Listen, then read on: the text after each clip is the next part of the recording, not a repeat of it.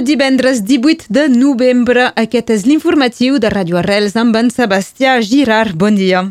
Bon dia. Era tot just fa 3 anys, l'11 de novembre del 2019, el tsunami democràtic va portar milers de catalans al Portús, on es va tallar l'autopista AP7 durant dos dies.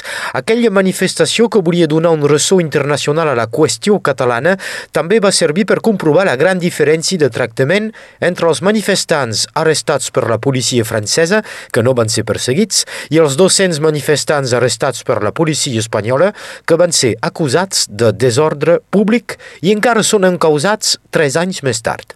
Per aquesta raó, Alerta Solidària, el Comitè de Solidaritat Catalana, l'ANC Òmnium Cultural i el Consell de la República convoquen un acte demà al matí al Portús per tal d'expressar suport als represaliats i mantenir la lluita viva. Escoltem Martí Majoral d'Alerta Solidària, entrevistat per la Laura Bertran.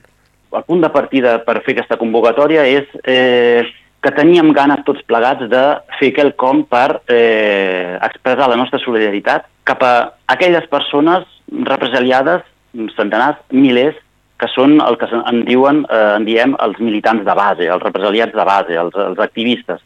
Aquests centenars i milers de persones que han sofert procediments penals i, i multes i condemnes eh, per haver-se simplement manifestat. Tot sovint nos hem expressat eh, en suport als exiliats i, i als presos polítics. Eh, és una qüestió molt evident i que evidentment no, no, ens, no ens cal empenedir d'haver-nos donat suport, al contrari, però massa sovint aquests altres represaliats, molt, molt superiors en nombre, represaliats, centenars i milers, han quedat en segon terme. I volíem fer eh, un petit acte de record i d'homenatge a tots ells.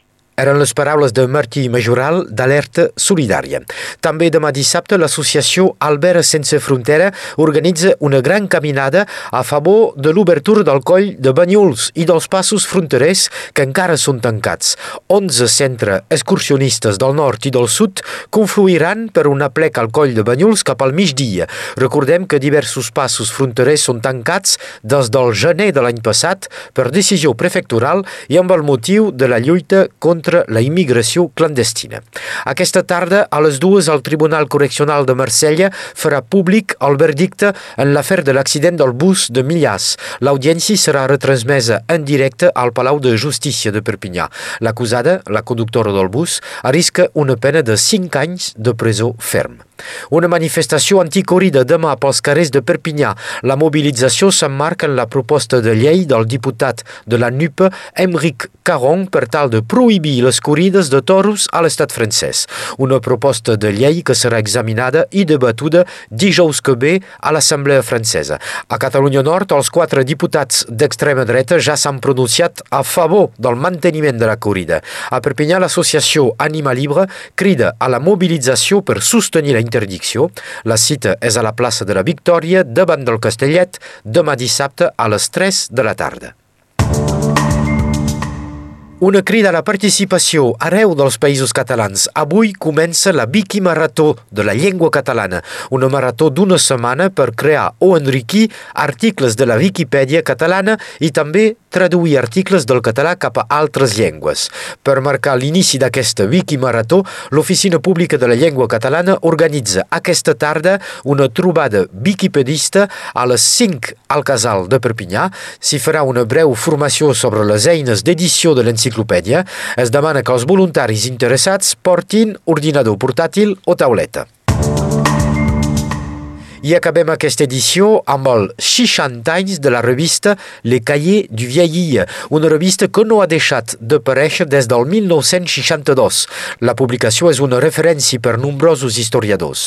Per celebrar aquest aniversari s'editaran dos números especials i els lectors són convidats a una trobada demà dissabte a les 5 i mitja a l'espai de l'antiga fàbrica La Catalana a Ia de Tet. Moltes gràcies, Sebastià.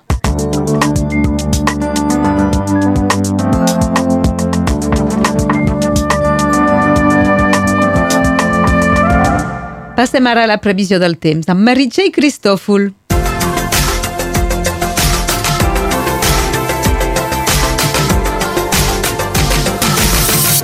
Bon dia.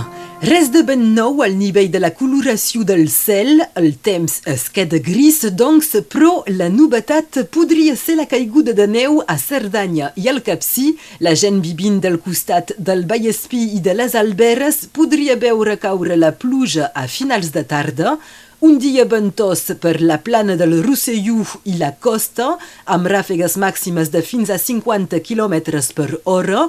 Pel que fa a les temperatures, avui les màximes haurien de no despassar els 17 graus a Perpinyà, 16 a Toulouse, 15 a Cases de Pena, 14 graus a Banyuls de la Marenda, 11 a Musset, 10 graus a Vallestàvia, 9 a Escaró, 8 a Montferrer 5 graus a Ió i 4 graus a Puigbalador.